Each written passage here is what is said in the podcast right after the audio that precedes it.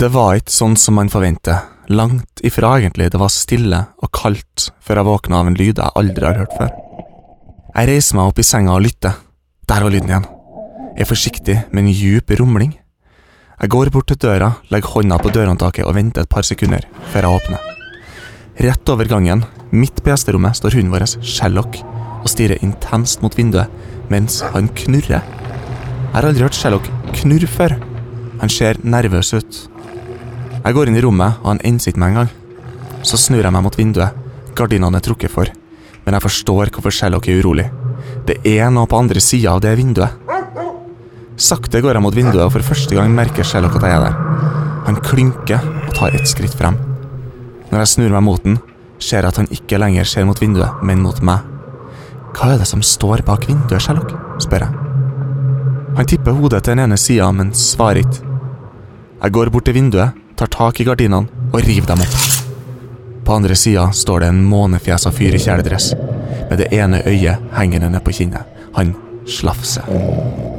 Sherlock bjeffer og månefjeset rykker til, men blikket er tomt, handlingsløst. Så slår det meg. Han ser ikke oss. Vi blir stående sånn i noe som føles som en evighet, før han plutselig snur på hælen og sjangler ned mot veien. Hva i all verden var det der? spør jeg mens jeg snur meg. Det der eh, var en zombie, svarer Sherlock. Han går rolig tilbake til den lille madrassen sin og setter seg. Du har vel lagt merke til at det har vært veldig stille i gatene i det siste? Jo, ja, men det er jo karantene, viruset. Gå og legg deg. Og ikke si noe om det her til kvinnen eller gutten. Du må være uthvilt før morgendagen. Å? spør jeg. Ja, jeg sitter og ruger på en plan. Du er ineffektiv, til og med på de beste dagene. Jeg trenger at du er skjerpa. Neste dag, mens jeg og Sherlock tasser rundt mellom rekkehusene, hører jeg en stemme som sier Legger ikke du merke til hvor stille det er? Ha, jeg visste det! Det var ikke en drøm! Du kan snakke! Ja ja, slapp av, det er ikke du som bruker bleiene i familien. Hvor er fuglene hen? Og så slår det meg. Har verken hørt eller sett en fugl på dagevis. De har dratt, alle sammen. Og det må vi òg. Det som var utafor vinduet i natt, har vært der før, men ikke så nærme. De blir sultnere. Det er bare et spørsmål om tid. Hm, vi må dra. Nå. De kommer ikke på dagen. Ok, eh, hvor skal vi dra, og hvordan skal vi komme oss dit? Det står i bil nede på parkeringsplassen, nøkkelfri nabobil, onkelen din har hytte, vi var der i forrige fjor, jeg husker det godt. Det var den siste sommeren før gutten ble født, da turene mine fremdeles var lang, den siste sommeren jeg fikk sove inn på soverommet. En halvtime senere står vi i gang igjen. Vi har pakka med vann og mat, dopapir, bleier, Paracet og førstehjelpsskrin. Sherlock har klart å overbevise meg om at kvinnen og gutten ikke trenger å vite noe. Og han betrygger meg om at vi har alt vi trenger, men jeg står foran hylla med gamle dataspill og vet at tida ikke er på min side. Det er på tide med raske beslutninger, men hva skal jeg ta med? Velkommen til Retropodden. Tusen takk for en nydelig intro, Leif. Vær så god. Det er jo akkurat uh, som du sier, vi befinner oss i zombieinvasjon. En tid vi har drømt om hele livet. Når vi endelig kan sette oss ned og kose oss og spille, spille alle dataspillene igjen. Ja. Men det ble ikke akkurat sånn som vi hadde drømt om. Nei, altså, det er jo ikke apokalypsen riktig ennå. Nei, det er jo ikke det. Vi sitter nå, Dette er en litt spesiell innspilling av Retropodden, for vi sitter nå på hver side av Oslo og spiller inn Mm. over intranett. Mm. Og det er jo pga. den koronatiden vi er i nå. Vi skulle egentlig møtes for tre uker siden, faktisk, i studio, og spille inn den store Commodore 64-episoden vår. Ja. Men det var akkurat den helga når det her starta for fullt, og jeg faktisk fikk koronaviruset. ja. Enda bedre. Ja, det vil si, jeg har ikke testa meg for det, for det er ikke mulig å teste seg, egentlig. Eh, hvis man ikke har spesielle behov. Eller jeg har i hvert fall ikke fått det til. Men jeg tenkte jeg kunne begynne med å fortelle litt om hvordan det var å ha det. Mm. For tre uker siden så mista jeg plutselig luktesansen. Og det her var før det var et symptom man hadde begynt å snakke om. Og det var ikke noe jeg tenkte over i noe særlig grad. Plutselig var det masse ting som jeg vant på at lukta ting som var helt luktfritt. Mm. Som var merkelig, så Jeg bare trodde at ting hadde blitt luktfritt. av en eller annen grunn. Det var den første tanken jeg fikk. Og så gikk det et par dager, og så ble jeg skikkelig syk. Ja. Og, altså ordentlig, ordentlig syk. Jeg ble jeg fikk, var helt sånn i feberland og ble liggende. Jeg klarte ikke å komme opp av senga på tre dager.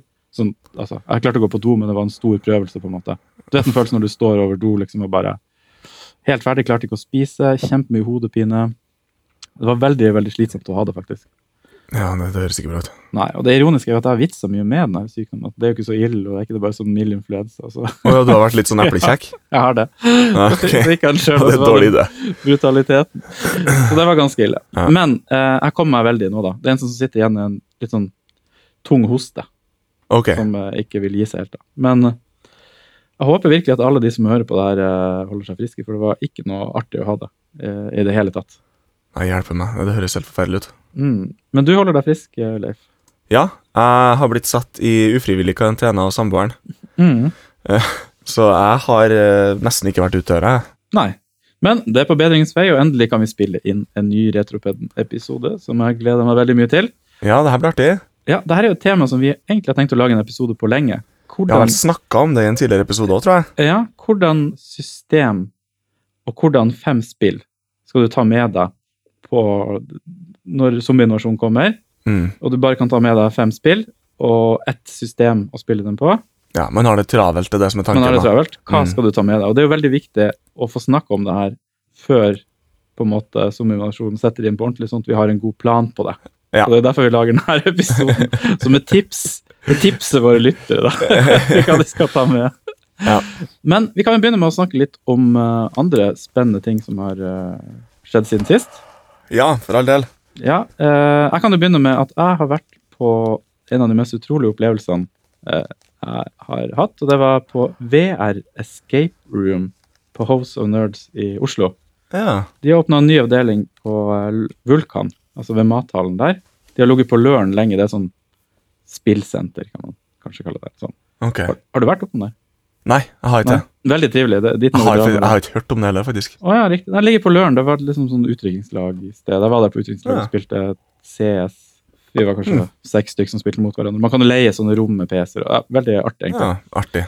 Eh, Men her var det da noe vi har prøvd på øh, å gjøre flere ganger. Eh, Jeg og min rike venn Arild og Vegard. så så, så vi, første gang vi booka det, var vel i 30. desember, eller et eller annet sånt. Og det var før de hadde åpnet. Det var en slags sånn tidlig åpning. Så det er da et VR escape room. De har et rom med noe VR-utstyr, der du har PC-en på ryggen. Og så går du rundt med fullt sånn VR-kit på deg i det her rommet som kanskje er seks ganger seks meter. Og er du virtuelle univers, så kan se vennene dine inne der. og sånne ting. Høres nesten for utrolig ut til å være sant. Eh, Og det var det også første gangen, for da var det en sånn Windows-update som bare sto gikk. Okay. som var på 20% når vi kom, og 21% når vi dro på en måte etter to timer. Så Skjønner. da fikk vi ikke testa det. Andre gangen så var det egentlig ikke sånn at det skulle være lov å booke det. Så vi hadde booka det i systemet, etter eller. Så vi fikk ikke prøvd det. Så tredje gangen så trodde vi aldri det skulle gå, men da gikk det faktisk. Ja, Og det var nå rett før zombieinvasjonen. da. Okay. Det var helt utrolig. Da tok vi på oss de hjelmene, så plutselig var du inne i et virtuelt univers som jeg, min hjerne kjøpte med en gang. Å ja. Det føltes like virkelig. Du tar opp handa, ser på handa, det er bare wow. Så høy oppløsning det har blitt på handa. Liksom. og så var det litt, Selve spillet var jo da uh, Escape Room. Jeg vet ikke om du kjenner til det? Nei, kan du forklare det for andre sånne eremitter til hvis, hvis det skulle være noen ute her som meg? Escape Room er et konsept som jeg syns er veldig gøy. Som er at du blir låst inne på et rom med noen venner, kanskje to, tre, fire stykk. Og så skal man komme seg ut av det rommet ved å løse en del sånne gåter. Så du finner sånn Du begynner kanskje med at du står i et veldig lite, en liten gang, og så må du kjenne under et bord, og der finner du nøkkel. Ah, der var nøkkel, og så kan du låse opp neste rom, så du kommer liksom videre. Så det er liksom konseptet. Så du finner liksom clues som leder deg gjennom det. Ja. Um, og her var det da et escape room som var virtuelt, så det betyr at det er ganske mange flere muligheter. Så vi var i en ubåt, faktisk, som begynte å lekke. Oi. Eh, og det var helt utrolig, altså. Altså. Det er spesielt hvordan du kjøpte universet. At jeg beveger meg rundt i den ubåten, og så ser du jo mye lenger enn det rommet, for du har vinduer ikke sant? du kan se ut av. Så du ser Ja, okay. havet der borte, og du kan bevege deg rundt, plukke opp alle mulige objekter, kaste det. Altså Det var så virkelig at når jeg kom tilbake til virkeligheten, så aksepterte ikke jeg virkeligheten. Okay. jeg forble i det virtuelle universet, og jeg tror jeg enda er der. Leif, nå ser jeg bare deg på en skjerm der borte. Mhm. I hvert fall, Jeg slutta å tro på den fysiske verden, og egentlig begynte å sette pris på den virtuelle. Og har lyst til å flytte inn der på heltid. Skjønner. Problemet bare at det er jo ingen som har plass til et sånt rom hjemme. Men jeg skal ta deg med dit eh, en dag, så kommer du også til å skjønne at uh, Ja, jeg det gleder meg. fysiske universet vi har bodd i så lenge, egentlig helt betydningsløst. Og leve ut hele sitt liv i et virtuelt. Og det har gått så langt faktisk at min rike venn Arild, det har kommet ut et Half-Life-spill siden sist. Ja, Som- Som er et VR-spill bare. Som Stemmer. er fantastisk. Det har gått så langt at han har kjøpt seg fullt VR-kit hjemme i leiligheten og står nå og spiller der Half-Life-spillet og sier at det er den mest fantastiske spilleopplevelsen. Han er veldig nøktern med ord. Alt er Ok. OK, på en måte. Ingenting er over OK. Hvordan, hvordan var den fantastiske opplevelsen? Nei, det var helt OK. Utenom det her spillet, da, det nye Half-Life-spillet. Det var helt fantastisk. Yes. Så det har jeg lyst til å teste òg. Dæven. Ja, det høres veldig lovende ut. Synd at VR er så veldig dyrt. Ja, det er jo absolutt det. Men, Det hadde vært kult å ha vært noen sin rike venn, ja, og bare kunne kjøpt seg alt man har lyst på. Ja, men det er jo godt å være liksom Når det regner på PC-en, så drypper det jo litt på klokkeren, vet du. Så når Arild blir lei, så kanskje jeg får låne. Kanskje det. Jeg har jo PlayStation på 3 hans, vet du. Ja, ja, Ja, det burde jeg kanskje ikke sagt. Nå kommer han på det. hvis han hører på. ja. Um, så uh, det var en fantastisk opplevelse. Hmm. Ha, har du noen opplevelser fra det siste du har lyst til å dele? Noe data? Har du kjøpt deg noen nye maskiner, eller skjedd noe spennende? Nei, jeg har ikke det. Men som sagt så har jeg vært eh, lost inn. Det som Jeg har jo eh, lagt merke til at, at eh, det er veldig mye snakk om eh, Altså på internett og i media og sånn, at eh, folk strever litt med den herre uh, isoleringa, det å, å være på en måte Mm. eh, stengt hjem. Ja. Jeg har ikke merka det engang. Du har mye trening, eller? Ja, det her er Altså, livet mitt har ikke forandra seg i hele tatt, bortsett fra at uh, toåringen er hjemme hele tida. Ja. Så jeg har fått mye mer tid sammen med barnet. Mm. Bortsett fra det, så er livet mitt nøyaktig det samme. Ja, altså det er mitt liv òg. Det er nesten litt Ja. problematisk at jeg har venner som har fått livet snudd på hodet, og så snakker vi om det, og så sitter jeg litt sånn flau og kan ikke delta i samtalen, for det er jo ingen endring. Jeg har vært i pappaperm i fjell. Det er jo bare en forlengelse av pappapermen, på en måte. Ja. Det er jo akkurat det samme. Jeg sitter på jobb eh, hjemme og er litt med han, og, altså, og er ikke noe særlig ute. Det er jo ingen forskjell, egentlig. Jeg var, jeg var nesten aldri ute døra fra før. Altså. Nei, Det var bare når vi skulle spille inn de episodene, vel. Ja, Valfarta inn til sentrum. Det er det eneste. Veldig lite som har skjedd her, Peder. Ja. Men du har kosa deg mye. Vi har snakka mye. Vi kan jo endelig sitte og spille litt og følge med. Jeg fikk jo spilt gjennom et spill du anbefalte meg veldig godt, -hmm. faktisk. Det Stemmer. var kjempeartig. Dishonored. Ja. Eh, ja, Dishonored. Jeg tror det er et spill som Leif har snakka om flere ganger, tror jeg. Som, mm. Jeg trengte et nytt spill når jeg lå og begynte å bli litt friskere. Som jeg kunne bare ligge og spille, på en måte. Så Mm. da fikk jeg det opp å stå og kose meg masse med det. Et slags snikespill. Uh, Ja. Altså snikmorderspill, kanskje. Eller Det er, det er litt sånn opp til hver enkelt hvordan man velger å løse det, tror jeg. Ja. Du kan jo fære rundt Altså, det er jo et førstepersons skytespill. på en måte, ja. Men med mye Men- magi og litt Ja, sånne elementer. det har veldig mye av de samme elementene som Bioshock har.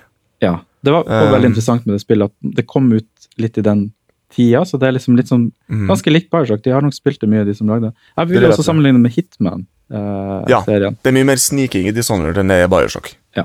Du kan Men- velge å snike deg rundt hele tida. Mm, veldig gøy. Det var på, jeg tror jeg kjøpte på GOG til slutt, faktisk. Ja. Jeg hadde det på PlayStation, og man, ja, kjæresten min tok eh, skjermen for hun måtte jobbe med hjemmekontor, så da måtte jeg spille okay. på PC. Ja. Um, eh, vi skal også ha en ting til vi skal snakke om før vi setter i gang med selve episoden. Det vi skal snakke om. Det blir en veldig Mm. interessant episode, faktisk. Vi har forberedt oss utrolig mye til det her. Altfor mye, egentlig. så vi har perfekt eh, Altså, vi har ikke snakka sammen om hva vi, vi har valgt sjøl, så det blir jo den store overraskelsen mellom oss. Men Vi har fall- begge tatt noen vanskelige valg. Ja, det har vi gjort. Mm. Men vi skal faktisk ha en konkurranse. I slutten Ja. av denne episoden så blir det første gang vi har en konkurranse. Og det er flere grunner til det. For det første så er det ca. akkurat ett år siden den første episoden ble lagt ut. Mm. Så det feirer vi, og da snakker vi om et spill i den episoden. Som vi skal eh, da gi bort til den heldige vinneren. Og det er også fordi vi håper at neste episode vi lager, blir den store Commodore 64-episoden vår. Vi har veldig lyst til å møtes og lage den, men det er jo ikke sikkert det går. Vi vet ikke hvor lenge det her varer, men vi har begge en Commodore 64 hver hjemme, Mm. så vi kan gjøre det over nett, selv om det er mye, mye gøyere å møtes. Ja. Skal jeg gå og hente det? Jeg har bare lyst til å hente pakken så jeg kan vise den til deg. Ok. Eh, To sekunder. Ja. Så det man kan vinne her i Retropodden sin første konkurranse, er Ser du den, Leif? Ja, se der, ja. Sam's Journey. Et Commodore 64-spill i stor big box, hardbox-versjon. Ja. Med eh, Altså, den pakken er så fin at bare det i seg sjøl, å kunne ha det på bokhylla, selv om du ikke har mulighet til å spille det, på en måte, er jo fantastisk. Mm. Mens hvis du har mulighet til å spille det, så er det også det beste Commodore 64-spillet som har kommet ut noen gang. Og det her kom jo ut i nyere tid. Det kom ut i 2017, tror jeg. Så Du har drevet og er veldig mye av det spillet her. Altså, Ja. Jeg har jo lyst til å vinne den premien her. Ja, det er det som Jeg har er. lyst på det spillet. Så Leif kommer jo til å sende inn flere, sannsynligvis. For å vinne. Jeg sitter og. Så jeg viser bare Leif nå at her er manualen. Se på den flotte, fargerike manualen. Mm. Og så får du med et kart over verden. Mm. Så det er veldig sånn fint eh, forseggjort, hele greia. Og så får du med noen sånne spillkort. Ah. Og så får du med spillet på cartridge, faktisk. Et Commodore Ja, 64-spill på cartridge. Altså, det er et så bra spill. Du får også med en digital download, så hvis du ikke har Commodore 64, kan du ennå spille. Kommer med en liten skattkiste i boksen der også.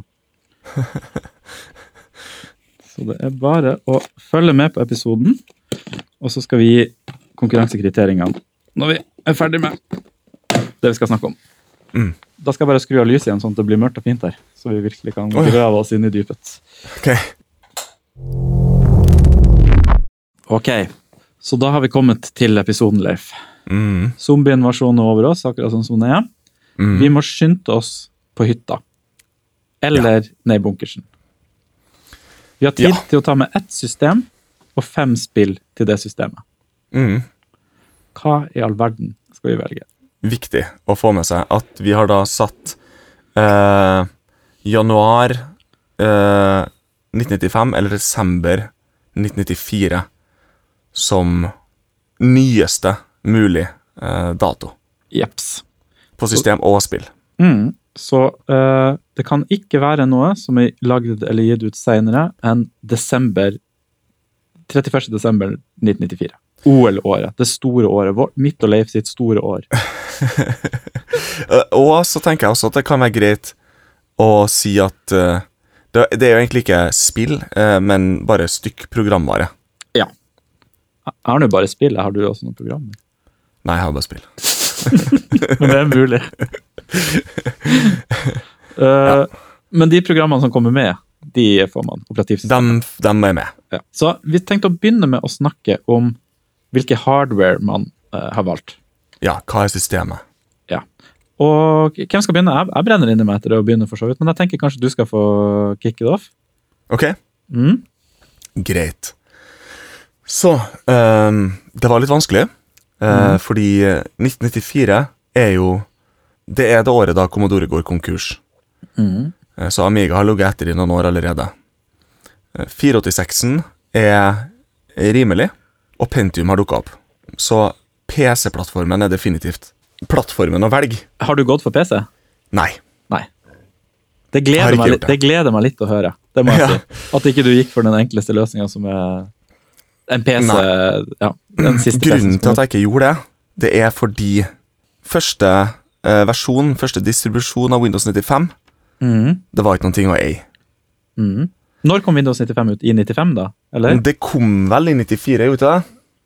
Jeg mener at det kom Nei, det kom faktisk i 95. Kom i august 95. det. Ja, Så da hadde det vært ute uansett. Jeg, Ja, da hadde det jeg kan vært si uansett. jeg ikke engang kikka på tanken om å ta med Så. Windows 95. Windows 3.1 var ikke noen ting å Nei. sitte og plundre med. Det er ikke noe artig. Men det slo meg akkurat at det var faktisk noen innebygde spill i Windows 3.1. Ja, det var det. Stemmer det. Faktisk, så det er kanskje ikke så dumt. Men jeg kan si jeg har heller ikke gått for Windows 3.1 som min plattform. Da hadde jeg Jeg vært helt gal. Da jeg Nylig en fun fact om hvorfor Windows 3.1 kom med innebygde spill. Ja. Var det du som fortalte meg om det? Mm -mm. Det var der for at folk skulle venne seg til å bruke mus. Riktig. Kabal ja. og minesveiper og sånn. Ah, smart tenkt, ja. Mm, Ah, for å bli vant med musa, mm. sa jeg M- Men uh, uansett, så Windows 3.1 ikke noe artig å sitte med. Og hvis du skulle spille spill, så var det jo gjerne DOS du endte opp med å sitte med. Ja. Og nå, jeg syns Windows 3 er artig i dag. Det er liksom artig å sitte med. Eh, sånn som en kuriositet. Og DOS også. Syns det er koselig å sitte i config-sys og utoverksepart, alt det grann der. Men det er ikke et environment man har lyst til å være stuck med i zombieapokalypsen. ja, for resten av livet. Det er jo det som er, da. Eller, ja, fordi det det har vi snakka litt om. Resten av livet. Jeg er ikke enig i at det er resten av livet. Det er, fordi zombiene de dør når det går tomt for mat. Ja, ok. Eh, og de kommer ikke til å springe langt opp i, på, liksom, på Finnmarksvidda på leting etter folk. Mm. De tar kvelden lenge før det. Så det er snakk om å, om å holde seg i live i et par år maks, tenker jeg. Å ja. Det er bare et par år, ja. Det er, egentlig, det er egentlig like greit, fordi spillene har valgt spørsmål spørs om man hadde klart det i resten av livet. Altså, uansett, det skal jo litt til. Jeg kunne tenke meg litt mer enn et par. Jeg har lyst på roen. skjønner du hva jeg mener? La oss, si, la oss si sju år, da. Ja, det er bra, for da får du den gode roen. Da kan du sitte der. Det er jo ikke internett her, det er jo ingenting, så du kan jo ikke jobbe. Det er jo ingen vits å jobbe. Nei, nei. Sånn som nå så er det jo zombieapokalypse, men vi sitter og jobber hele gjengen. Ja. Ikke sant? For du kan jobbe over nett og sånne ting. Her er det ikke noe nett. Sju år, ingenting å gjøre. Nei. Så Da rekker du med, med gode marginer å bli en ordentlig raring. Det her blir veldig bra, tror jeg. Jeg gleder meg. Eller, nå sitter vi jo i det, da. Så det var grunnen til at jeg ikke hadde lyst til å gå for en PC. Riktig. Og jeg merka også at veldig mange av de spillene jeg hadde lyst til å velge, mm. eh, funka like fint på Amiga. Nice!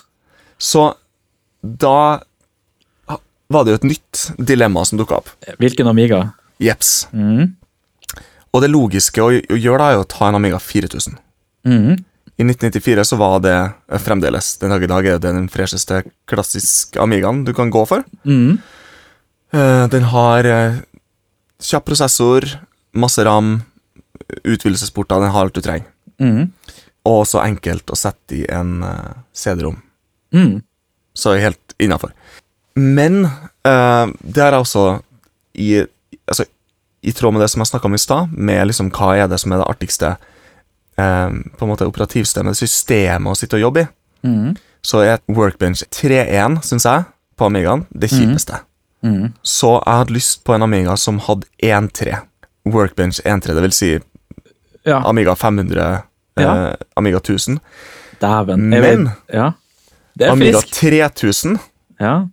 har mulighet til å auto, altså dual-boote Workbench 1.3 med hvilken som helst annen Workbench-versjon.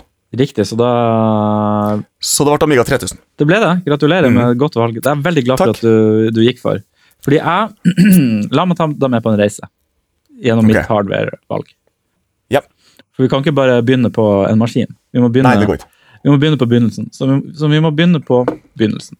Og begynnelsen min er Commodore 64. Den Mm. kobla opp i helga for å gjøre litt research. for å se om det var noe jeg kunne ha med meg. Ja. Og det kom jeg vel eh, egentlig dessverre ganske fort frem til at det ikke var. Det, Commodore 64 er en fantastisk maskin. Masse bra spill.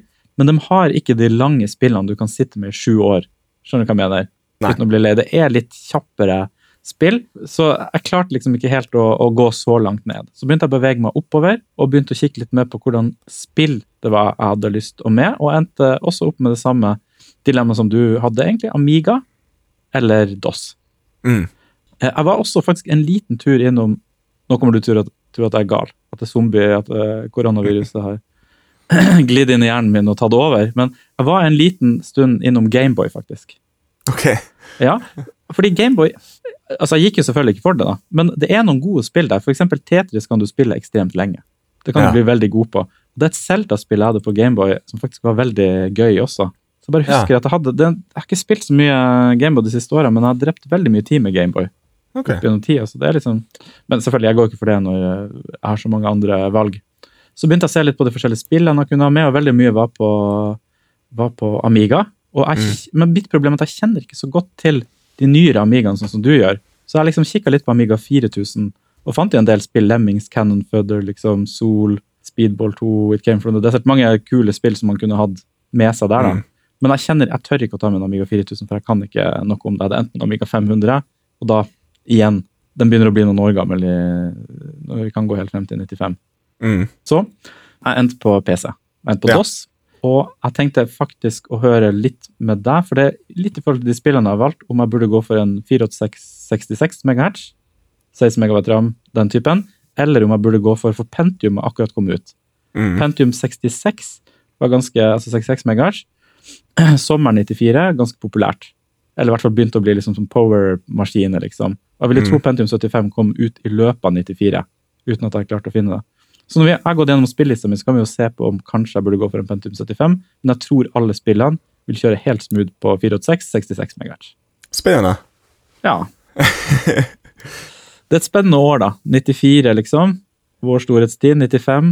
Da begynte det å skje ting. PlayStation 1 kom ut. En Ja. del fete spill kom ut, og ting begynte å forandre seg egentlig ganske mye. Vi kan jo nevne det at vi valgte jo 94 litt fordi 95 er et sånn paradigmeskifte. Ja. med Windows, DirectX, PlayStation og en masse andre greier Mm. som kom ut da, mens 94 var litt sånn Da, da slumpa det av gårde litt sånn som det hadde gjort, på en måte. Mm. Fremdeles. For et år. Husker du OL 94 på TV-en? Vagt. Vagt, ja. Jeg har gode, sterke minner av det. Ok. Sterke minner. Var stolt. Nei, men jeg var stolt. Ok, så skal vi gå over på spillene, da, rett og slett? La oss ta ett og ett hver. Ja. Hvem har lyst til å begynne? Du kan jo begynne på spillene, Ja, siden jeg har vet begynt på system. Jeg kan godt begynne på et spill. Og eh, det første spillet jeg har lyst til å si, er så obvious at uh, det føles for obvious, men altså, jeg må jo ha det med. Altså, Så kanskje, kanskje ikke det mest spennende valget, men UFO Enemy Unknown. Et Ja. spill vi har lagd en episode om. Fantastisk eh, spill. Et spill man kan spille masse. Det var, når jeg tok det opp igjen nå sist, ganske vanskelig, som er en fordel når jeg skal være der i syv år. Eh, så, så jeg har litt tid på meg å, å, å klare det, rett og slett. Det er et turn-based strategispill. Ja. Eh, jeg jeg kikka også på XCOM Terror from the Deep. Fordi det er et spill Leif anbefalte veldig varmt, som er toeren oppfølgeren. Like bra, ifølge Leif, eh, men det kom ut i 95, så det går Ja. ikke. Hadde ikke det vært for det, så hadde jeg nok kanskje tatt med det, siden jeg har spilt en del UFO gjennom mine så hadde det vært spennende å spille Terror from the Deep. Men Mm. uh, ja, det ble egentlig det første spillet på lista mi. Et veldig, veldig bra spill. Ja. Ok. Så Det første spillet på lista mi er litt mindre obvious, Mm. tror jeg. Uh, Det er et spill som ble lansert på Amiga i 1992, Mm. som heter A-Train. Ja, A-Train, ja. Eller Ah. A Train, som jeg var sikker på at det het da jeg var Ah, ja. You must take the A-train. Jeg tenkte alltid på den sangen eh, når Ja. jeg så den titelen. Den hadde ikke jeg hørt om Ja. jeg leste om Amiga-bladene. Veldig kult eh, valg, Leif. Det er veldig kult Mm. valg. Men er det syv år med moro? Altså, nå har jeg stått og spilt det i to dager, Ja, ok. og det er i hvert fall to dager med moro. Altså, Det er faktisk to dager med å ikke forstå noen ting som helst. Ja. Det er et litt vanskelig spill å beskrive. Mm. Fordi når man ser det, så ser det veldig ut som SimCity 2000. Mm. Og det er, det er inspirasjon til SimCity 2000 rent grafisk. Maxis så det spillet og tenkte sånn må SimCity 2000 se ut. Men så er det en sånn her uh, uh, Railroad Tycoon-aktig Mm. greie. Så det Ah. er et spill der du, uh, du bygger togbaner. Og jeg har en litt sånn merkelig forkjærlighet for tog, uten at jeg egentlig har klart å artikulere det for meg sjøl på noe uh, vettug måte. Så har jeg på en måte bare Jeg føler at jeg har vokst opp med tog. Jeg vet ikke helt hva det betyr. Mm. Men i hvert fall, alltid når jeg Når jeg, når jeg har, når det er et spi- Jeg har alltid likt spill med tog. Mm. Og så satt jeg nå, jeg sendte et bilde av deg, nei, til deg, der jeg satt og prøvde å spille Railroad Tycoon 1. Ja, det så jeg. Mm. Og det har jeg aldri spilt før, men jeg har spilt Railroad Tycoon 2 og uh, Sid Meyers Trains, Mm. og likte de to spillene veldig, veldig godt. Mm. Og så tenkte jeg, ok, det er utafor uh, årstall for vår del her nå, så kan jeg bare teste eneren. Og det har jeg originalt også i hylla mi, men jeg har aldri spilt det. Og det var bare det mest sirumpa spillet jeg, jeg tror ikke jeg har spilt et spill før. Som var så forbanna vanskelig å forstå Jeg så screenshot av når du sendte det, og tenkte bare uff, det så litt kjipt ut, tenkte jeg. Ja, det var altså ja, Det kan det, Jeg kan se for meg at det åpner seg litt etter hvert, og det var noe greier der umiddelbart som var litt kult, men alt var så tungvint og bare sirumpa, rett og slett. Mm. Um, så jeg bare la det fra meg ganske fort. Jeg satt med det i litt over en time og orka ikke noe mer. Mens A-Train har jeg spilt før. Så man lager stasjoner og lager eh, togskinner imellom dem. Og så kan man bygge fabrikker, og man kan bygge baseballbaner og litt sånn forskjellige ting. Man kan kjøpe opp eh, land, man kan kjøpe og selge aksjer, man kan spekulere litt i så Det er et sånn ganske innfløkt økonomisk modell som ligger under hele greia. Og så I tillegg til det, bare for å gjøre det hele greia enda litt mer komplisert, så er det ei klokke som går hele tida, som teller timer. Og når du setter opp uh, liksom den her schedulen din for når tog skal komme til stasjoner og gå fra stasjoner og sånn, Mm. så er dem Det går i real time, på en måte. Mm. Så natt- og dagsyklusen går hele tida. Og for eksempel hvis du skal selge og kjøpe aksjer, så kan du kun gjøre det i ukedager mellom åtte og fire. Oh, ja, det er såpass presis, ja. Ja. Nice. Så det er et veldig sånn her Man skulle nesten tro at det var laga av tyskere, Ja. hvis det ikke var fordi at det er artig å spille. Det er et japansk selskap som heter Artdink, som lager de spillene. ja. Men japanerne var jo på Tyskland sin side, vet du. Så ikke. Ja, Det, det er sant. Så nå har jeg sittet med det i dag, Mm. og nesten skjønt litt av det. Ja. Satt faktisk og kjørte her på 3000-en min da vi begynte å prate. Riktig. Nå har jeg skrudd av fordi den bråker litt, den skussy harddisken som jeg har i. det, høres ut som et veldig godt valg, så da har du god tid på å sette deg inn i og finne ut hvordan spillet funker. Før du faktisk Det er det jeg tenker. Den manualen er liksom 94 sider og sånt. mm. Skal jeg ta mitt neste, da? Gjør det. Også i veldig tråd med det du uh, snakker om her. Og Det er faktisk to spill som har en slash mellom, så skal jeg ta et valg på det nå, da. Spennende. Jeg føler jeg har litt opplagte valg, men samtidig jeg må jo ha det, for jeg skal jo bo på denne hytta i sju år. Mhm. Og det er jo de spillene jeg må til, så jeg kan ikke ta med bare spennende valg. på en måte. Bor du der og sammen meg. med samboeren og barnet ditt, forresten? I- Jeps. Ok. Det, eller det håper Ingen jeg. venner? Nei, ingen venner, nei. nei. Nei, ingen i nærheten? Tror ikke det. Jeg har- jeg har et lite scenario hvor kanskje Kanskje du møter noen folk i skogen? Jeg har med et par toplayerspill i tilfelle du kanskje skulle bo på hytta ved siden av. Ok, Koselig. Eh, Men på andreplass her, eller det er ikke noen spesiell rekkefølge på det, så har jeg SimCity 2000, et Mm. opplagt valg, eller Transport Tycoon. Så nå må jeg ta et valg okay. på det live her. SimCity 2000, veldig kult bybyggespill. Mm. Men jeg går for Transport Tycoon til syvende og sist, fordi jeg har spilt veldig mye SimCity 2000. Ja. Altså, jeg har spilt meg helt eh, altså bygd opp hele byen med de der. Til slutt så får du mulighet. SimCity 2000 er et bybyggespill, for de som ikke kjenner det. Mm. Uh, og et veldig, veldig bra bybyggespill, som kom ut i 93. Mm. Eh, og uh, det er en slags tidsaspekt i det også. Du finner opp nye ting i SimCity 2000. Eh, Mm. Så til slutt så finner du opp en sånn moderne housing som bare er en slags sånn selvforsynt uh, liten greie som du kan bygge rundt i byen. Som er ekstremt dyr å bygge. Skjønner du hva jeg mener? Mm. Uh, Jeg husker jeg, jeg, jeg har spilt så langt SimCity 2000 at jeg har fylt opp nesten en hel by med de, på en måte. Og da snakker vi mange mange, mange timer SimCity. Så det har spilt så mye at da tror jeg jeg går for Transport Tycoon. Det er et spill jeg også har spilt veldig mye, men ikke nok til at jeg kanskje hadde blitt lei det. Transport Tycoon er jo et eh, veldig kult spill hvor du bygger togbaner, sånn som Leif er glad i, og bil og båt og egentlig alt mulig der du frakter varer rundt omkring, og mennesker rundt omkring. Ok. Tra Transport Tycoon er et av de der spillene som, som jeg, jeg har aldri spilt det, men jeg har alltid tenkt at det spillet her hadde jeg kommet til å synes var Ja. megafett. Det hadde du likt. Så Tr- Transport Tycoon kom ut i 94, og Transport Ja. Tycoon Deluxe, som er det mest kjente spillet i dag, kom ut i 95. Som er okay. en slags oppdatert versjon med noen nye funksjoner. Eh, I dag, så hvis noen har lyst til å teste, så er det noe som heter Open Transport Tycoon. Som uh, alle kan laste Ja. ned helt gratis. og sånt. Stemmer. Du kan spille multiplayer på det. Jeg tror du hadde elska det, Leif. Er det sånn i Transport Tycoon, sånn som i uh, A-Train, at byen på en måte vokser Ja. rundt togstasjonene dine og sånn underveis? Jeps. Så Kult. det kan være lurt å kjøpe litt land og sånne ting. hvis ikke du er helt sikker. Hmm. Veldig veldig kult spill, og et spill jeg kan i hvert fall sitte med veldig mye. Jeg pleier å laste ned eh, Open Transport Tycoon hver gang jeg installerer Windows på nytt på en PC. Ja, Men så begynner du ikke på Nei, Jeg det, tror alltid jeg har hatt installert. Nei, jeg, Mm. det, det, det er litt komplisert. ja, det er kanskje det. Hvis man ikke har vokst opp med det, liksom. Ja, kanskje du eller, ja, det. interfacet er litt vanskelig. Jeg har aldri liksom Ja. vært tålmodig nok til å sitte Mm. Ok, jeg er klar for å høre neste Amiga-hit. Ok, Mm. så det neste spillet som jeg har, er eh, gitt ut på Amigaen i 1993. Mm. Og så vidt jeg vet, kom bare på Amiga. Mm. Og det heter Amber Moon. Interessant. Aldri hørt om det. Mm. Amber Moon er et uh, RPG-spill Mm. som er den spirituelle forgjengeren til Albion, Ja. som er mitt all-time favoritt-RPG-spill. Ja. Um, det er laga av de samme folkene. ja. Jeg kjenner ikke til det heller, dessverre. Aldri. Nei. Nei. Men du har nevnt det før, så Mm. De folkene som laga Amber Star, og så oppfølgeren Amber Moon, som jeg har på lista mi, Mhm. de ble eh, kjøpt opp av Bluebite. mm. Så de har vært involvert i mye av Bluebite sine spill. Riktig. Settlers 2 og 3 og Anno-spillene. Har du spilt det spillet før, eller?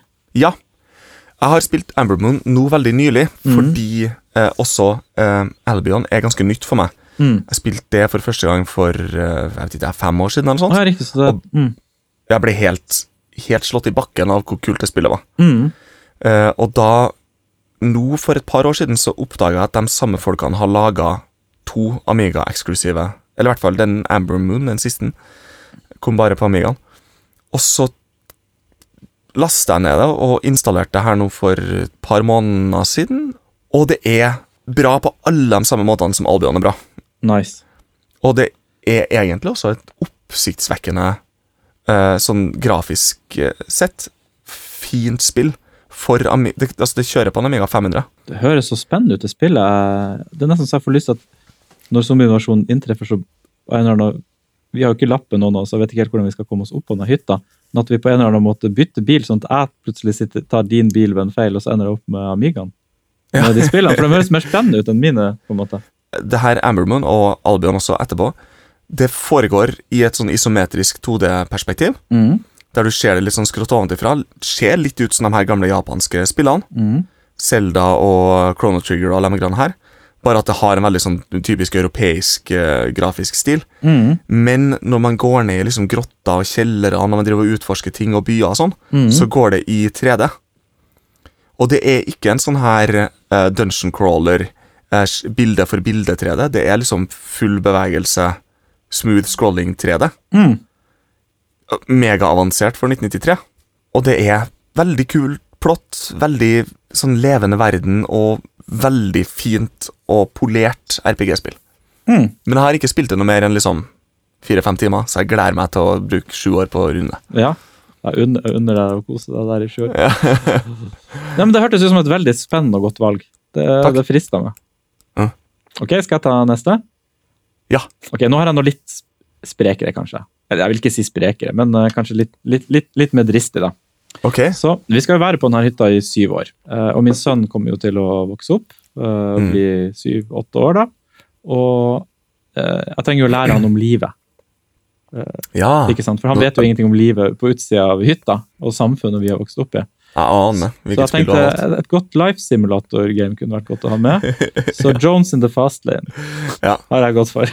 Ja, det er jo en favoritt hos deg, det. Ja, Jones in the Fast Lane er et veldig veldig artig spill, syns jeg. Det er en li- livssimulatorspill. Vi har jo spilt det til og med. Ja, vi har det. Kjæresten min syns det er veldig gøy å spille det, og jeg håper min sønn syns det. Man kan spille opp til fire player der, så Mm. da kan vi jo alle spille tre player. Og jeg spilte masse, men jeg blir aldri lei. Så jeg, jeg tror det er en sånn, et spill man alltid kan gå tilbake til. Jeg tipper vi kommer til å ende opp med at vi må ha én til to runder hver dag på hytta der med, med, med familien. Det sto faktisk mellom det og Scorched Earth, hvis du husker det. Nei. Eller er det sånn tegnspill? ja, Veldig rart valg, kanskje, hvis jeg hadde tatt det med, men et veldig artig tegnspill. Litt sånn forløperen til Worms, på en måte. Okay. Så du står på hver din side av et brett og så prøver å skyte med kanon på hverandre. Med forskjellige Ja. atombomber og sånn. Kjempeartig toplayerspill, egentlig. Å ja, ja, det er litt sånn ja, nemlig. Nå husker jeg hvilket ja. husker jeg. Tankspill. Men Johnson Fastlane til syvende og sist gøyere, syns jeg. Så Ja. Åh, Jones er artig. da ble det det. Ok, har du et uh, til på lista? Ja. Mm. Det neste spillet på lista mi er også fra 1993, sånn som Amber Moon, -hmm. og det er Settlers. Ah, veldig godt valg. Ja, Settlers må man ha med. Ja. Første i hvert fall spillet på lista mi som man kan spille to stykker samtidig. Mhm. Og det er et veldig artig spill å spille to stykker samtidig, syns jeg. Fordi man kan liksom spionere litt på motstanderen hele veien underveis, for det er split screen. Mm. Uh, men så har man Det er ikke så veldig mye å, å forstå ved å Mm. gjøre det. Og så er det jo et veldig behagelig spill. Vi har snakka om det litt tidligere også, at når vi spiller strategispill, så foretrekker vi bare å bygge baser. Mm. Og det får man jo veldig muligheten til å gjøre i Settlers. Ja, bygge store baser og kose seg. Ja. Et av de beste spillene som uh, kom ut på Amiga, og eh, et av de beste spillene fra 90-tallet Mm. generelt. Kanskje fra verdenshistorien. Ja, fantastisk eh, gøy spill. Veldig, veldig bra. Jeg kan innrømme at jeg hadde det på lista mi. Det, det nådde ikke helt opp. Uh, av forskjellige grunner, for det har andre lignende. Men, men det, jeg syns det var et kjempeartig spill. Mm. Godt valg, eh, Leif. Skal jeg bare ta en til fra min? Ja. Ok, Det er et ganske sprekt valg til, hvis jeg får lov å si Ah. det sjøl. Um, okay.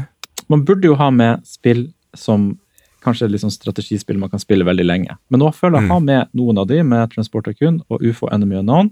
Så nå Mm. kan jeg ta litt mer spill som jeg syns er kjempeartig å spille, men som jeg kanskje i løpet av de syv årene hadde spilt nok.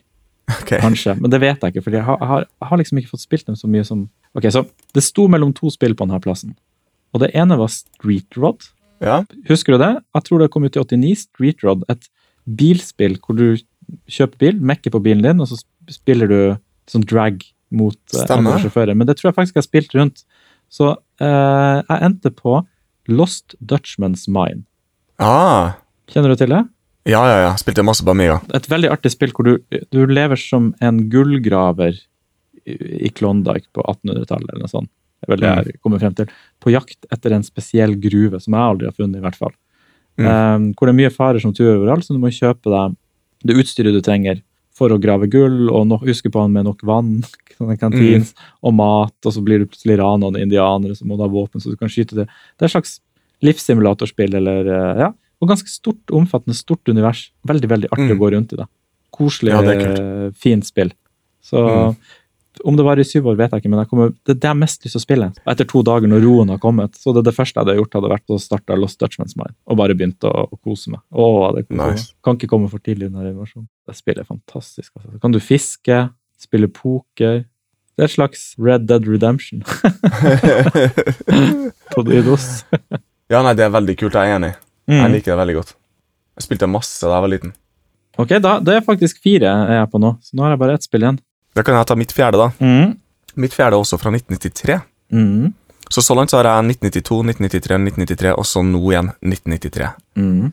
Og det her er et av de spillene som ikke hadde kommet til å vært på lista mi hvis vi hadde gått for 1995. Mm. Og det er Civilization.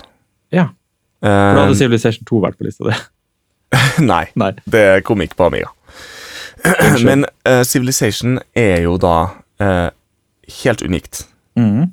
Altså Det var det i 1993 eller 94 i hvert fall. Mm. Det er det Civilization-relaterte spillet jeg har spilt desidert minst. Mm. Jeg spilte litt på Amiga, i, i, altså i nyere tid, Mm. men jeg har spilt alle andre spillene i serien mye, mye, mye, mye mer. Mm. Så jeg er ikke sikker på hvor kult Civilization egentlig er. Med tanke på hvor kjipt Railroad Tycoon var, Mm. som er også laga av Sid Meyer, da. Men jeg mistenker at det har nok av det som Civilization 2 for eksempel har, Mm. til at det hadde kommet til å, å tilfredsstilt den, eh, den der trangen som jeg har etter å bygge opp en sivilisasjon. Ja. Så Civilization 1 er veldig primitivt sammenligna med Mm. senere spill i serien. Det er altså nesten litt rart hvor primitivt det ser ut når man ser screenshots av det. Mm. Det er veldig sånn, eh, Du ser det rett ovenfra, du flytter bare rundt på noen sånne firkanter. Mm. Det ser ut som et gammelt sånn Avalon Hill-brettspill, Mm. Skjønner. der du, der du har sånne, sånne firkanta paprika som du flytter rundt på. Mm. Er det det som har vært litt Har det vært et Tror du det er brettspill han hadde som Det er veldig inspirert av brettspillet Civilization, som ble laga antageligvis av Avalon Hill. Riktig. Som er det samme Så det er et greia. brettspill som heter Civilization òg, ja. Skjønner. Ja. Mm. Så dataspillet er mye mer eh, avansert, da. Mm. Men brettspillet går ut på det samme, liksom. Skjønner. Mm. Ja, jeg, må jo si det er et godt valg igjen. Jeg har Takk. faktisk hatt Civilization 1 på lista mi lenge. Eller det har stått mellom Civilization 1 eller Populus eh, Ja. for meg. Og jeg tror av de to så hadde jeg gått for Civilization 1, men jeg har bare ett spill igjen på lista mi. Så det Mm. sto me mellom ganske mange spill til slutt. Det her blir spennende. Um, ja, det er det for meg også, altså. Skal bare hoppe i det? Ja, gjør det. Ok, jeg kan, Dette blir jo mine, mine honorable mentions, da, så det blir jo en av de jeg må velge. Men mm. ok, så Team Park. Team Park. Mm. Et artig spill der man kan bygge en Team Park, egentlig. Men Mhm. jeg har allerede Transport Tycoon, eh, som kanskje på en måte fyller det behovet, selv om det er veldig Mhm. annerledes. Syndicate, veldig, veldig kult eh, spill, Ja. som eh, jeg digger, men det har jeg spilt gjennom mange ganger. Så det, det okay. utgår, altså det har jeg klart på alle mulige måter. Artig strategi, se ovenfra, actionspill. Ja, veldig bra. Så da Civilization 1, eller Populus, eh, og de kjemper da mot to rollespill. Og det her er to rollespill jeg ikke har spilt sjøl, men jeg har veldig lyst til å ha med. Jeg er jo en stor fan av Fallout 3, for eksempel. Jeg har ikke spilt Fallout 1, skulle jeg gjerne spilt, men det kom ut i 96, så det kan jeg ikke ha med meg. Så det er to andre rollespill her, og det er Ultima Underworld og Eye of the Beholder. Ja. Og Eye of the Beholder er et spill jeg husker fra back in the daysen, eh, som jeg aldri forsto så mye av, men som jeg nå i evig tid, eh, eller sju år, det er jo ikke evig tid, men virkelig kan sette meg inn i. Men jeg spurte faktisk deg om råd her, fordi jeg var så usikker, og du anbefalte Ultima Underworld, Mm. så da går jeg for det. Jeg vet ingenting om det, så det er et valgfelt for meg å ta med, men siden du sier at det er bra, så tror jeg det er et godt rollespill jeg kan ha med meg og kose meg med i lang tid. Mm. Er du enig? Det er veldig bra. Ja. Det er mye mer et eh, fullverdig rollespill enn Eye of the Beholder er. Ja. The Beholder er mer enn dungeon crawler, føler jeg. Ja. Veldig kult, det òg, da. Jeg spilte masse på Amigaen. Så da er min liste komplett, og da ender jeg med Ultima Underworld, som er et spill jeg gleder meg da til å teste når jeg først sitter her, men som jeg ikke har fått testa, testa før Mm. vi kommer dit. Men jeg skal bare lese opp lista mi fort, så man Ja. eh, har den? Så det er UFO Enemy Unknown, Transport Tycoon, Jones in the Fast Lane, Lost Dutchman's Mind og Ultima Underworld. Det er mine fem spill jeg tar med meg. Det høres ut som at du kan ende opp med å kose deg da, i sju år med de her. Ja, Det er jo noen korte og noen lange spill, men da føler jeg jeg har en fin. Ikke sant? Når jeg har klart Lost Dutchman's Mind og til slutt funnet den gruva og spilt gjennom det, om et par år så får jeg kanskje lyst til å spille det igjen uansett. skjønner du hva jeg mener? Ja, så det, det har en slags replay-value der. ja, da er jeg spent på å høre ditt siste spill. Ja, det er veldig vanskelig. Mm, det skjønner Det jeg siste. godt. uh, Leif. Eh, fordi nå sitter jeg igjen med en del spill. De fire første her var veldig sånn klar, klare valg for meg jeg, med det systemet som jeg endte opp med, og det årstallet som jeg endte opp på. Mm. Men det femte valget mitt, det har vært ekstra vrient. Så jeg kan ta de fire første en gang til. Mm. Så vi har A-Train, Amber Moon, Settlers og Civilization. Mm. Da føler jeg at jeg har dekket strategi og RPG. Mhm. Eh, egentlig. Mhm. Men så er det liksom Det er bare strategi og RPG jeg har lyst til å spille. Eh, så det spillet som jeg har skrevet ned her, det er et spill som jeg har spilt en del, men aldri egentlig fått helt taket på. Mm. Aldri spilt nok til at jeg har egentlig fått utretta noe som helst. Mm. Og det er Frontier Elite 2. Kødder du med meg? Nei. Det er faen meg et spill jeg drev og kikka mye på det siste Altså eneren, må det Ja. være. Mm. Spennende valg, fordi jeg har tenkt mye på det spillet sjøl på Ja, jeg har tenkt mye på eneren i det siste. Ja. Det er artig at du nevner det. Så for dem som ikke vet det, Frontier Elite 2 er da egentlig et, et, et eh, sånn her tradespill. Eh, På en måte Pirates i verdensrommet. Mhm. Så man eh, flyr rundt fra planet til planet og selger og kjøper goods. Og så slåss man mot andre skip i verdensrommet. Det ser fantastisk fint ut, Leif. Nå har jeg googla det her, siden vi da sitter foran dataen når vi spiller inn. Mhm. Og det ser så bra ut. Altså, Jeg har sett en del på front, altså Elite 1, Elite første Ja. spillet. Det ser ganske For her er det jo ordentlig 3D-romunivers og flyr rundt mellom planeter. Ja. Wow. Uh, et, uh, Elite uh, 2 er, er så det, er nesten, det er jo en klassiker. En Mhm. ubestridelig klassiker, liksom. Og det er, tror jeg, også regna for å være et mesterverk eh, fra et programmeringsperspektiv. Mm. Det er eh, på én diskett. På én diskett? Ja. What?! Uh, og det er uh, det som kalles for procedurally generated, hele universet. Riktig. Uh, men så vidt jeg har forstått, så han David Braben, han som laga spillet, han har fått det til. Det funker visst veldig bra, måten han har liksom gjort det på. Mm. Så hver gang du spiller, så er det et nytt univers. Eller, det vil si, alt er ikke nytt. Mm. Men det, det er nok ting der som er nytt til at det føles som Ja, en ny opplevelse. så mye replay value i det spillet uansett. Men det som bekymrer meg litt med det spillet, er mm. at det virker litt for meg som et spill som sikkert var megafett på 90-tallet, eller midten, tidlig 90-tall, Mm. men som kanskje i dag vil føles litt primitivt. Det var noe med det her med at du hadde et stort verdensrom som du kunne utforske, du kunne fly fra planet til planet. Det var megafett, da. Ja, sånn sett, ja. Men i dag så er ikke det noe fett noe lenger. Mm. Så det gameplayet som ligger under, fly, fly til én planet, kjøp shitloads med plutonium, Mm. fly til neste planet, selg det igjen. Jeg skjønner at det blir for uh, mm. Jeg vet ikke om det har nok av de tingene som gjør at Pirates er et bra spill i dag, Mm. til at det også er et bra spill i dag. Fordi Pirates er fremdeles kult, syns jeg. Mm. Fordi det har Du kan, du kan liksom ehm, Du kan velge å gå i land utafor byen og snike deg inn i Mm. byen, og du kan lete etter skatter på, på øde øyer, og det er masse sånne greier du kan gjøre.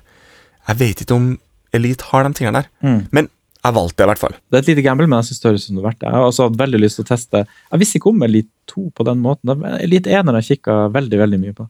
Du, jeg, Ja. jeg syns du har en veldig god liste. Jeg synes vi begge har egentlig funnet Jeg syns min liste var litt kjedelig. Først at jeg liksom ligger for DOS, på en måte det siste som kom ut, som jeg enda Ja. kunne velge, hvis du skjønner. Det er litt sånn obvious, men Jeg kan jo bare nevne, da, fordi jeg var veldig skeptisk til Frontier Elite 2. Mm. Og de to spillene som røyk fordi jeg valgte det, Ja. det var Dune 2, mm. som er eh, også et sånt spill som jeg har spilt litt og oppdaga mm. at det er kult, men ikke spilt nok til at jeg har blitt lei av det. Jeg, jeg spilte jo. Dune 2 i går. Jeg, jeg satte meg ned og snakka litt med deg, så helt ut av det blå begynte å spille det. Og kom og fant ut at det her var jo megafett. Jeg var jo rett Mm. inn det. det var ikke noe å tenke på. Det liksom, hvis du husker Command and Conquer alle de spillene, så er det her det originale. på en måte. Mm. Og det var så enkelt å skjønne det og så enkelt å komme i gang. Veldig kult spill. Ja. Så Dune 2 røyk. Mm. Uh, Dune 1 uh, var også et spill som jeg vurderte en stund, men det er mer et adventure-spill. Jeg har runda det, og det Mm. jeg tenker sånn etter, etter tre år med fem spill, så har Mm. jeg lyst til å spille Dune 1 for femte gang, liksom. Mm. Og det andre spillet som røyk, var Theme Park. Theme Park, ja. Du hadde det på lista, ja. Mm. Ja. Så theme, jeg har spilt dem, eh, Theme Park og Theme Hospital veldig veldig mye. Syns det er veldig kult. Mm. Eh, Men i dag, når jeg skal spille ett Theme-spill, så er det Theme Hospital jeg velger. Ja. Stemmer, det var veldig kult spill, ja. Mm. Mm. Jeg kan ta noen flere honorable mentions. Skal jeg gjøre det? Jeg kan bare Ja, gjør det. lese opp Warcraft 1 var jo en mulighet òg. Det er jo kult spill. Ja. Men, Definitivt. men når du har spilt gjennom det, liksom, så Med mindre du bor på nabohytta vi kunne hatt med LAN-kabelen eller serialkabelen og linka på det, så, Mm. så vet jeg ikke hvor mye. System Shock, interessant uh, spill. Ah, System Shock er megabra. Ja. Uh, Lemmings. Det er Ja. ingen som har tatt med det. Jeg syns det er et ganske artig spill, egentlig. Men hvor lenge det er gøy, vet jeg ikke. Jeg hadde også Mm. Enemy Unknown på lista. Ja, riktig. Enemy Unknown kom på AGA Amiga i 1994. Mm. Men jeg gikk jo for Amiga 3000. Mm. Og ECS-versjonen, den som du kan kjøre på, på andre Amiga enn 1200 og 4000, den kom i 95. Ah, skjønner. I januar, tror jeg. Eller Så du ikke akkurat klippa den. Det var derfor du snakket Ja. litt om januar 95, om vi kunne pushe den opp dit. Det var ikke på grunn av eh, Enemy Unknown. Det Mm. var på grunn av det andre spillet som jeg droppa, Mm. som var Colonization. Ah, riktig. Fordi Colonization har jeg spilt veldig mye, og det er megabra. Mm. Det syns jeg er kjempeartig. Det kan jeg spille i en evighet. Og Civilization er jeg litt i tvil om, så jeg hadde egentlig tenkt meg Colonization på lista. For det kan du spille på hvilken som helst Amiga, Mm. så lenge du har en megabyte med ram, tror jeg. Kult. Det er bare intenst bra, og den Amiga-versjonen er meganice. Du, jeg, må, jeg måtte forberede meg på veldig mange scenarioer, egentlig. Ja. Så jeg har egentlig et scenario til jeg har forberedt som jeg tenkte bare å nevne. Ok, kjør på. Og, og det er følgende. Så vi må dra i all hui og hast, ikke sant? Ja. Og så sier jeg til Jenny at hun må hente ma- mas- Si maskinen ligger på loftet, da. Mm. Ta med maskinen. Du må ta med DOS-PC-en. Den der, ja, hva er DOS-PC-en? Den grå boksen der oppe. Og så rekker vi bare én tur på loftet, så kommer hun ned med en grå boks, og så viser det seg, fatalt Skrivemaskina. Ja, ikke så ille. Commodore 64. Ok. Så hun har kommet Ja. ned med Commodore 64, og jeg står der. Vi rekker ikke opp en tur til. Jeg spiller han nede. Jeg får drasse med meg spill til Commodore 64. Jeg har veldig dårlig tid. Jeg forbereder Mm. godt, selvfølgelig. Sånn at jeg vet hva jeg skal velge når det skjer. Ja. Og eh, tenkte bare å nevne de spillene og ta med til Commodore 64 hvis det blir Kult. det fort. Så Pirates. Ah. Pirates til Commodore 64 hadde jeg faktisk i back in. Veldig kult. Du har Mm. kartet faktisk fysisk ved siden av, sånn du må følge med på. Mm. Eh, og så Maniac Mansion, for det har jeg aldri klart, aldri spilt, aldri skjønt. Nei. Og det er til Commodore 64, så det er jo et uh, Lucas Art uh, adventure-spill. Ja. Last Ninja 2, uh, et av de beste spillene som kom til Commodore 64 i sin tid, som er et ninjaspill, rett og slett. Ja. ja. Eh, Den, en ninja-simulator. ja, en, det kan man kalle det. eh, Veldig Ja. kult. Uh, og så et sportsspill med flere player, World Games, så vi kan konkurrere Ja. litt der, som jeg syns er veldig gøy. Og så faktisk Elite 1. Ja, Så det kom til Commodore 64. Et, et, også et romskipsspill, der du kan reise rundt, utforske verden, kjøpe og selge ting. Eh, det Mm. kom aldri til Vadsø, så jeg har ikke prøvd det.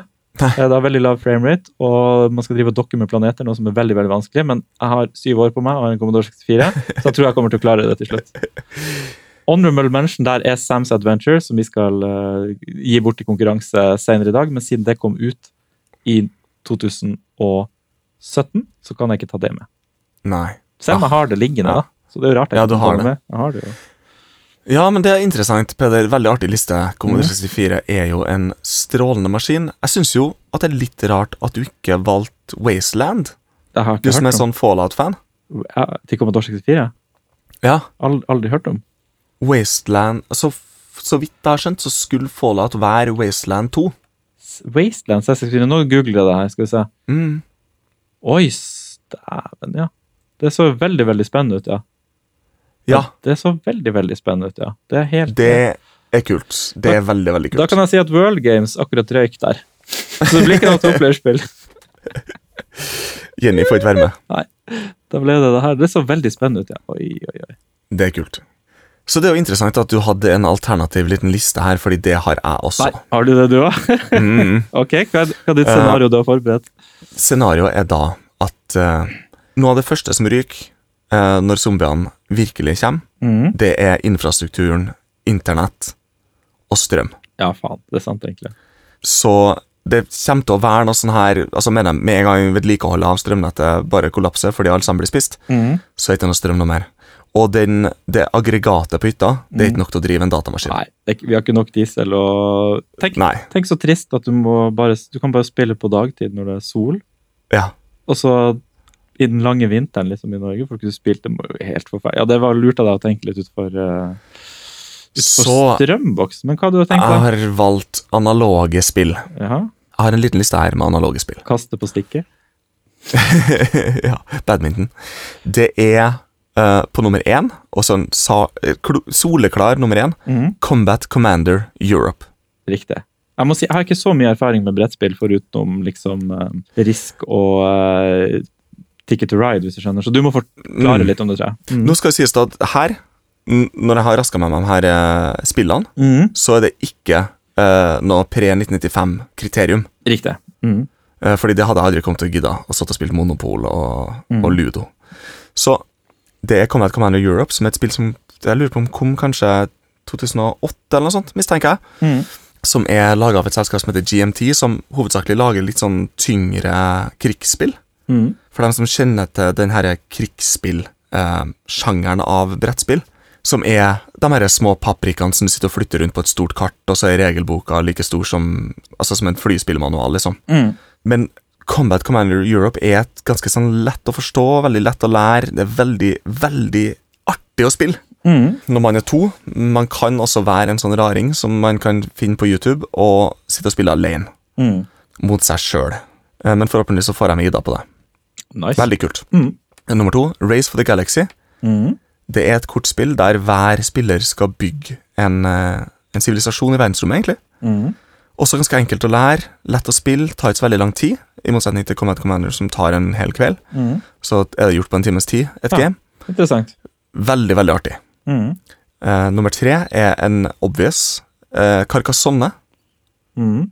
som jeg tror de aller fleste som har, eh, har noen venner som liker brettspill, har sikkert spilt Carcassonne. Jeg har ikke vært borti Det det, engang. Så... Du har ikke det? Nei, så er Ok, dårlig. så du, man, Vi burde ta en brettspillkveld egentlig, der du kunne vist meg. Hvis ikke det er veldig mye å forklare og regler. Da. Carcassonne er veldig lite å forklare. Ja. Så man kan tenke at du har på en måte Settlers of Catan, Ticket to Ride, og så har du Carcassonne. Riktig, så vi er på det. Mm. Så, Carcassonne. Neste, eh, nummer fire, Sherlock Holmes Consulting Detective. Mm. Interessant. Som også er et, mm. det er et slags brettspill. Men man er ikke mot hverandre. Man er på en måte på lag, og det er ikke noe poeng eller det er ikke noe, det er ikke noe tidsbegrensning, det er ikke noen runder. Mm. Man har bare en svær boks full med krimmysterium. Mm. Med hvert mysterium så følger med ei lita bok, på en måte, mm. og, og en lita avis. Og så skal du rett og slett bare prøve å løse mysteriet. Mm. Så da sitter man sammen med et glass rødvin eller noe, noe bjørkesevje og koser seg. Ja, det blir vel det, kanskje. Mm. Ja, Og så skal man prøve å finne ut av hva det som foregår. Og så er det sånn da at du får en liten sak, og så, og så leser du da en paragraf eller to der det står ja, det her har skjedd, og bla, bla, bla. bla. Mm. Og så har du da et kart over London, og så kan du begynne å oppsøke plasser. Og så står det da i boka, hvis du f.eks. går til det stedet, der du vet eksempel at kontoret til en mistenkt er, Mm. så skal du slå opp der og der i boka, og så leser du en ny paragraf. Ja. Det Så det er høres, om å klare det så fort som mulig, da. høres ut som veldig kule spill du har med deg. Ja, det er det. Det høres nesten artigere ut enn dataspill. Uh, måten du forklarer Mm. på. Mm. Jeg tror Hvis jeg måtte ha valgt eh, mellom Amigaen eller brettspillene, så hadde jeg valgt brettspillene. Ja, Det er veldig interessant, ja. Mm. Syv år. Og ja, det er akkurat det. Mm.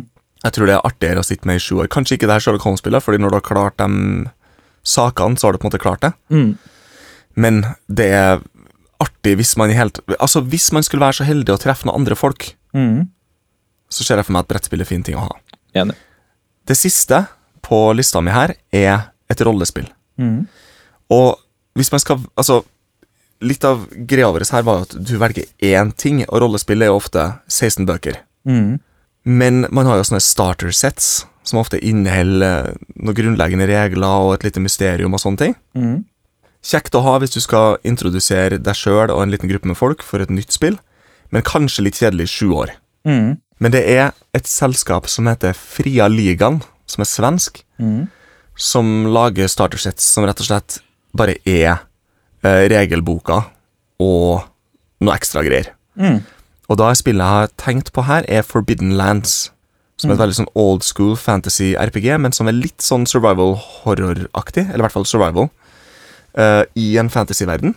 Mm. Og den boksen er bare supersweet. Det er med, med terninger, regelbøker, uh, en kampanje, masse. Alt du trenger for å kose deg i sju år. Ja, høres veldig sweet ut, da. Mm. Jeg har ikke så mye erfaring med de spillene, men det høres veldig gøy ut når du, når du forteller om det. Så jeg håper kanskje at vi ikke er så langt fra hverandre, kanskje bare sånn ti mil fra hverandre, så man kan av og til gå på sånn lang trekk over til deg for å sitte og spille Ja. på en måte. Litt, da. Vi må, altså, vi det er, på det. da. det er jo livsfarlig å gå over til deg. Nei, det kan vi ikke. jeg kommer ikke til å gjøre det, tror jeg. Ti Hvis mil er jo vi- livsfarlig å gå under en zombieinvasjon. Hvis vi, nei, men vi er jo ikke altså, Jeg tenker jo hele kriteriet her for å fære opp til ei hytte, er jo for å komme seg til et sted der det ikke er noen zombier. Ja, ok, så, men hadde du tort å gå ti mil i mørket? Nei, jeg måtte vel ha gjort det på dagen. Ja, rekker du å gå ti mil på dagen? Det rekker du ikke å gå. Altså. Nei, det er sant. Det, det må, ha, det må være i et, i et hyttefelt. Ja, og hvis vi hadde bodd langt oppå på fjellet. Men problemet med et hyttefelt er at da er vi mange sammen, så da er det fare for at med en gang én blir bitt, ikke sant, én får koronaen, så, så, så går det fort mellom. Det er sant. Så vi kommer nok ikke til å få møtt hverandre. Det gjør hverandre. nok ikke det. Med mindre vi carpooler opp dit, da. Det kan jo være. Hvis vi har bil, ja, så kanskje man kan kjøre. Men vi kan Finne ikke kjøre heller. Det er jo det som er vårt store problem. Vi har ikke lappen. Så vi har litt å forberede, egentlig. Ingen som sjekker lappen når det er zombier på Ja, men jeg kan jo ikke kjøre engang. Altså, jeg vet ikke hvordan jeg starter. Jeg kan kjøre. Kan jeg sitte på med det? Ja, det er greit. Vi kan dra på samme hytta? Tenk vi hadde kosa oss. Da hadde vi hatt med det vi trenger, da, egentlig. Ja, det, da hadde vi vært eh, sett. Det er Kan noe vi ta problem. med en liten kassettspiller, kan vi lage podkast? Som ingen, ingen får høre. Men da har vi i hvert fall et godt arkiv med podkaster etter syv år. ja, Kassett. lurt. Du, eh, vi må jo eh, fortelle om konkurransen vi skal ha. Ja. Det er jo den første konkurransen vi hadde her i Retropodden. Mm, den første av mange, forhåpentligvis. Ja. Nå hørtes jeg ironisk ut når jeg sier ja, men de mente det. Ja, Forhåpentligvis så får vi ha mange konkurranser. Det er jo gøy. Det vi skal gi bort, er da Sam's Journey. Et fantastisk Commodore 64-spill. Som jeg viser til Leif nå på video, men uh, dere får se det. Mm. Veldig fin det veldig pakke. fint. Eh, virkelig fantastisk. Boksen er kjempefin. Om du ikke har Commodore 64, veldig fin å bare ha stående på hylla hjemme. Ja. Og, og åpne opp og bla i og, og kose seg med. Og du får også med en digital download av spillet, så du kan spille det på emulator hvis Mm. du vil det. Um, kriteriet for konkurransen er å sende oss din liste med hvilke hardware, hvilket hardware, altså det kan være konsoll eller um, datamaskin, og hvilke fem spill du ville tatt med. Og du kan sende oss lista på mail på Vi kan jo si fem stykk programvare, da. Ja, det kan vi si. Ja. Så du kan sende lista på mail på retropodden at gmail.com. Du kan sende den på Facebook i innboksen vår der, eller bare kommentere under. Vi kommer til å lage en post om at vi slipper denne episoden. Så kan du legge det der hvis du vil det. Ja. Og det er sikkert ikke så mange som kommer til å Altså, Jeg pleier aldri å gidde å bli med på konkurranse, for jeg tenker at det er så liten sjanse for å vinne uansett. Men uh, det er veldig mange som tenker sånn. Så Så hvis du hører på, så er det stor sjanse for å vinne. ja, altså det er det. Så, så, så si at uh, Leif kommer til å i hvert fall sende inn en liste. Vet jeg, for Han har veldig lyst til å vinne det spillet. Ja. Så hvis du også sender inn, så vil jeg si at det er en 100% sjanse for for at du da altså, For vi kan ikke la Leif vinne, det blir jo furore. Eh, og vi kommer til å trekke en tilfeldig vinner, da, skal sies. Men jeg vil virkelig anbefale å sette deg ned i ett minutt, skrive lista di og sende inn til oss, for da er det en veldig veldig stor sjanse for at du får vinne det her fantastiske Mm. Hvis du velger å sende brev, pass på at du skriver returadresse. Da må vi ha en returadresse. Du, det var veldig hyggelig å sitte og lage episode igjen, Leif. Ja, i like måte. Det er godt å være frisk. Ja. Vi eh, er friske og raske nå, så vi håper på å få lagd en ny episode ganske snart. egentlig. Min drøm er jo å lage Commodore 64-episoden, men vi får se om vi gjør det over internett, eller om vi venter til vi møtes. Uansett så finner vi nok på et ganske gøy tema til neste gang. Ja. Tusen takk for at du ville lytte på. Ja, kjempebra. Og det er bare å kontakte oss hvis det skulle være noe. Mm. ja, hvis det, hvis det er noe du lurer på. Kose deg videre. Kose deg videre i disse ko- koronatider. Og Mm. holde avstand til folk. Det er vel det de lytterne våre kanskje er best på. er kanskje det i Jeg tror ikke jeg kommer til å ha noe problem. Ok, tusen takk.